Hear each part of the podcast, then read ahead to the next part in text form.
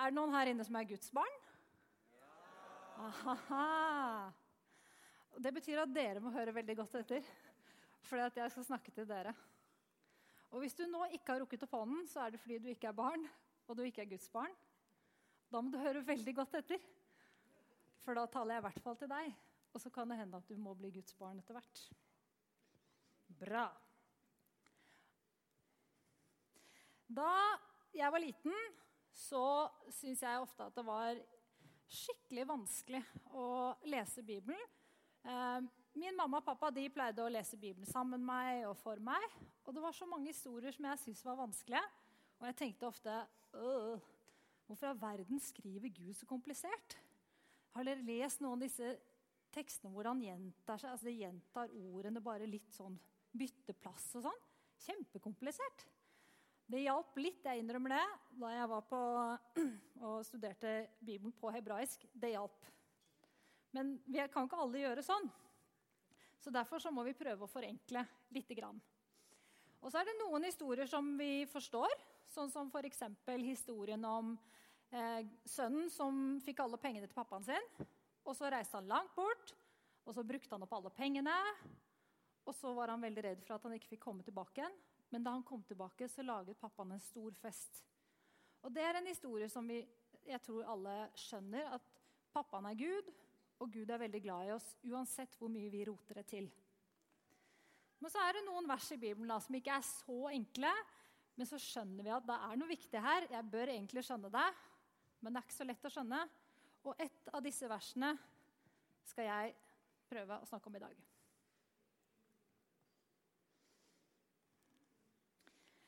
Da Jesus snakket om dette det er En liten sånn teknisk glipp her. Et lite øyeblikk. Nei. dette verset står i en bok i Bibelen som heter Matteus, kapittel 5. Og det er Jesus som sier det. Og da Jesus sa disse tingene, så satt han foran en stor mengde mennesker, sånn som dette, kanskje enda flere. Og så sa, satte han seg ned, og så lærte han dem, står det. Og da jeg er jo lærer i bånn og tenker at det må det være viktig, det som står her. Så det betyr at her er det noe som Jesus gjerne vil at vi skal lære. Ikke bare høre, men lære. Og nå skal jeg lese det som står der sånn. Der står det Dere er jordens salt. Men om saltet mister sin kraft, kan det da bli til salt igjen? Det duger ikke lenger til noe, men kastes ut og tråkkes ned av menneskene. Og det jeg skal snakke om her i dag, det er salt. Men først, før jeg snakker om det, så vil jeg at dere skal se at salt kan faktisk miste sin kraft. Og da funker det ikke lenger. Så hvordan skal saltet beholde kraften sin? Det må jo være viktig. I Bibelen så står det at evangeliet det er Guds kraft til frelse. Så det betyr at vi må holde fast på evangeliet for ikke å miste kraften vår. Og så står det 'Dere er jordens salt'. Det betyr oss. Men hvorfor snakker Jesus om salt? Hva er salt? Hmm. Da Jesus levde, det er ganske lenge siden Han levde i et land som het Israel. Der var det ganske varmt. Da hadde de ikke kjøleskap, sånn som vi har i dag. Hva bruker vi kjøleskap til? Bra. Vi bruker kjøleskap til å ha maten i. Og dere vet at Hvis vi setter melken utenfor kjøleskapet, så går det ikke så veldig lang tid, for den melken er ganske kjip. Så vi setter melken inn i kjøleskapet for å bevare den. Men på den tiden da Jesus snakket om dette, med at dere er jordens salt, så var det ikke noe kjøleskap. Og det var ikke mulig å bevare maten. De hadde ikke noe iskuber. Det er ikke is i Israel, sånn som det er her i Norge. Så da måtte man bruke andre ting for å ta vare på maten. Og en av de tingene, det var salt. Eh, men eh, hvordan får man tak i salt? Hvor, hvor, hvor, finner man salt? Vokser det på trær? Bra. Det er nemlig havet. Og alle her inne har kanskje badet i saltvann? Bra. Det er deilig. Og spesielt hvis det er kjempevarmt. Og har dere sett da hvordan vannet liksom går opp på svabergene.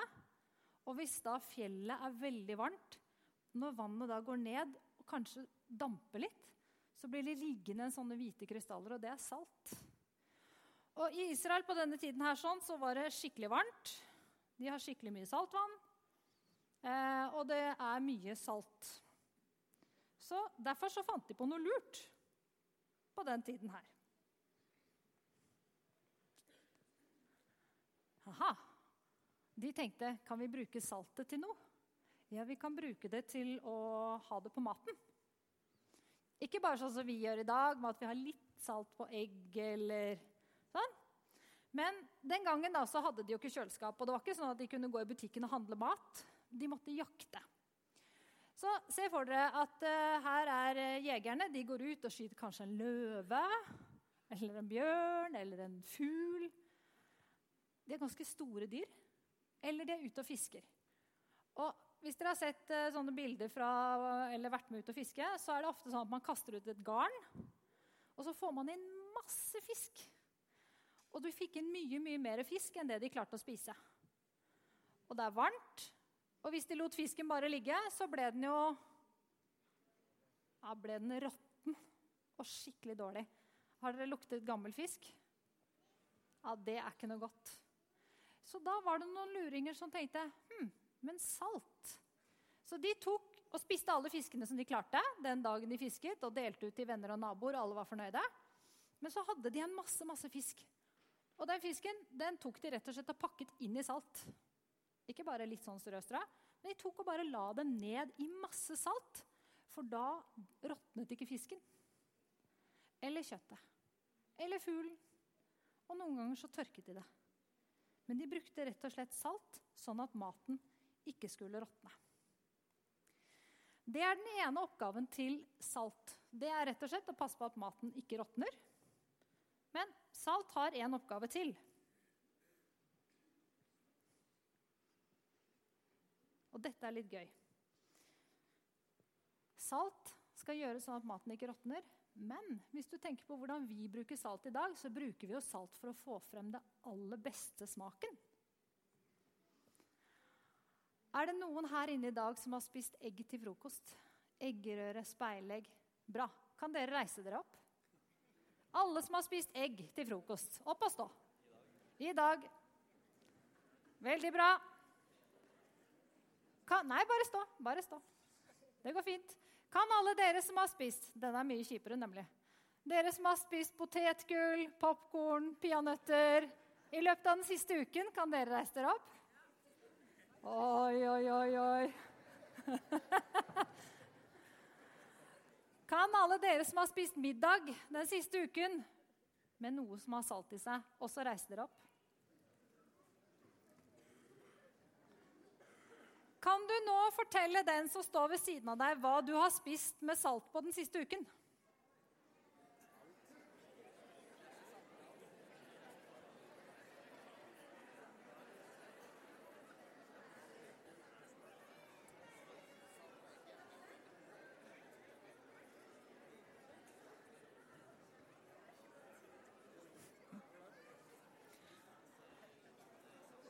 Bra. Da kan dere få sitte ned igjen.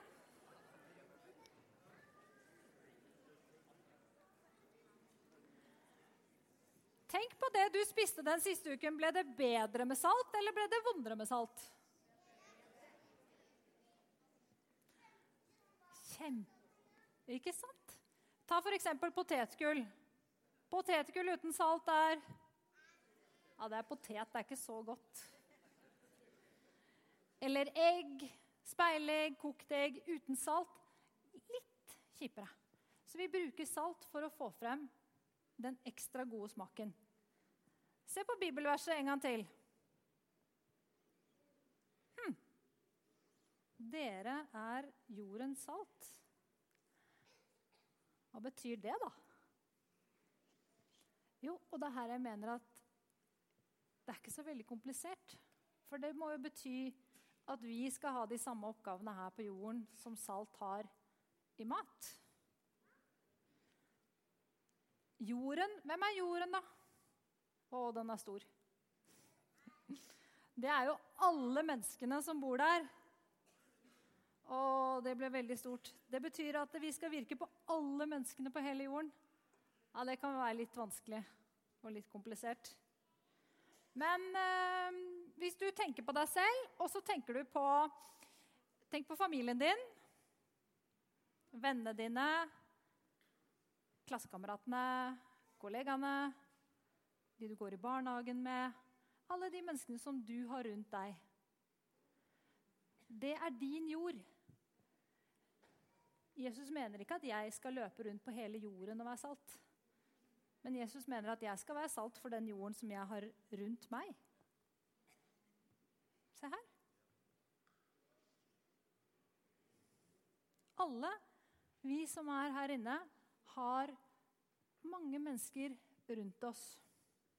Og vi møter mange mennesker hver dag. Og du, du kan være salt blant dine venner. Og du kan være den som får frem det aller beste i dem som er rundt deg. Å, hvordan skal jeg få til det? Hvordan skal jeg passe på at ikke de råtner? Hva betyr det? Ja, Det er ikke så vanskelig, da. Det betyr jo bare at du må være en person som får frem det beste. Hva er det beste i mennesker? Er det når vi er sure? Nei. Bra. Takk for bidraget. Det betyr at når du kommer inn i et rom og du er glad, hva skjer da? Ja, men Da blir jo de andre glade, da. Eller når du kommer inn i et rom og du smiler og du gir bort en klem. Hva er det som skjer da? Ja, men Da får du et smil tilbake, og du får en klem tilbake. Og så blir det det beste i de menneskene vi har rundt oss. Du er viktig. For jeg kan jo ikke nå de menneskene som er rundt deg. Det kan hende at jeg er den eh, gule personen i din ring. Men du er den grå personen som står i midten. Og du må være salt som eh, når de menneskene som er rundt deg. Og Nå skal jeg vise dere noe gøy. For det er mange, Når jeg sier sånn at vi skal liksom eh, bidra og gjøre alt dette, og sånn, så sier folk åh, ja, men jeg, og jeg kan ikke gå rundt og stå og, og, forkynne, og det skal så mye til, og jeg må si så mye, jeg må, må forkynne, og jeg må, jeg må, det ene og jeg må det andre.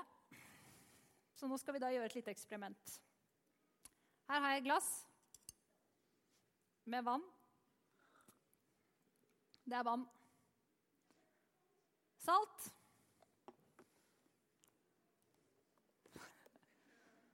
Skal vi se. Dette er veldig, dette er veldig teknisk eksperiment. altså. Nå tar jeg litt salt. Det er ikke en teskje engang, men det er lite grann. Er vi enige om det? Se her. Jeg putter det nedi. Det er det liksom det bildet der skal være. Skal jeg røre rundt? Var litt gammelt salt, da, for det løste jeg ikke opp med en gang. Sånn. Nå rører jeg det rundt sånn.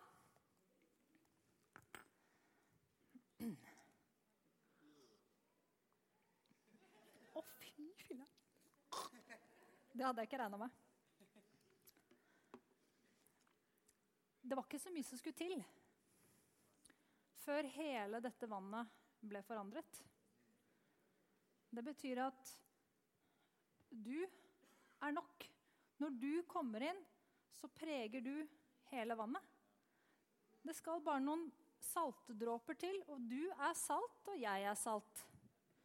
Så når du kommer inn i et rom, og du begynner å spre det du har med deg, som Jesus har gitt deg, så forandrer du hele miljøet rundt deg. Hele glasset er nå saltvann. Det skal så lite til. Du er nok. For hvis ikke du hadde vært nok, så hadde jo Gud plassert noen andre der hvor du er. Han er jo ganske intelligent. Så vi må jo stole på at han har kontroll. Og han har plassert meg der hvor jeg er. Og da må jeg tro på at han tenker at jeg er nok, da. Og så er det noen ganger hvor jeg syns det er litt rart. Men så tenker jeg ja, ja, Gud. Her er jeg. Og så får jeg være salt der hvor jeg kan, da. Og hindre at de menneskene rundt meg råtner. Og bringe frem det beste i dem. Du er jorden salt. Jeg startet med å si at eh, jeg skulle snakke om de virkelig store spørsmålene her i livet. Og dette er svaret på ett av dem. Hva har Gud kalt deg til? Gud har kalt deg til å være salt i den verden hvor du lever. I den hverdagen du er. Hele tiden. Du trenger ikke å se på hva alle de andre gjør, eller hva andre får til, eller hvordan de andre lever livet sitt, for det er ikke det livet du er kalt til. Du er kalt til å være salt der hvor du er. Og Gud har plassert akkurat deg på akkurat det stedet, akkurat du, der hvor du er, for at du kan påvirke de menneskene som er rundt deg. Og verre er det ikke. Så gå ut. Bring frem den beste smaken i de menneskene som er rundt deg. Og hindre forråtnelse. Det er litt vanskeligere å forstå, men det kan være tema rundt middagsbordet i dag. Takk for meg.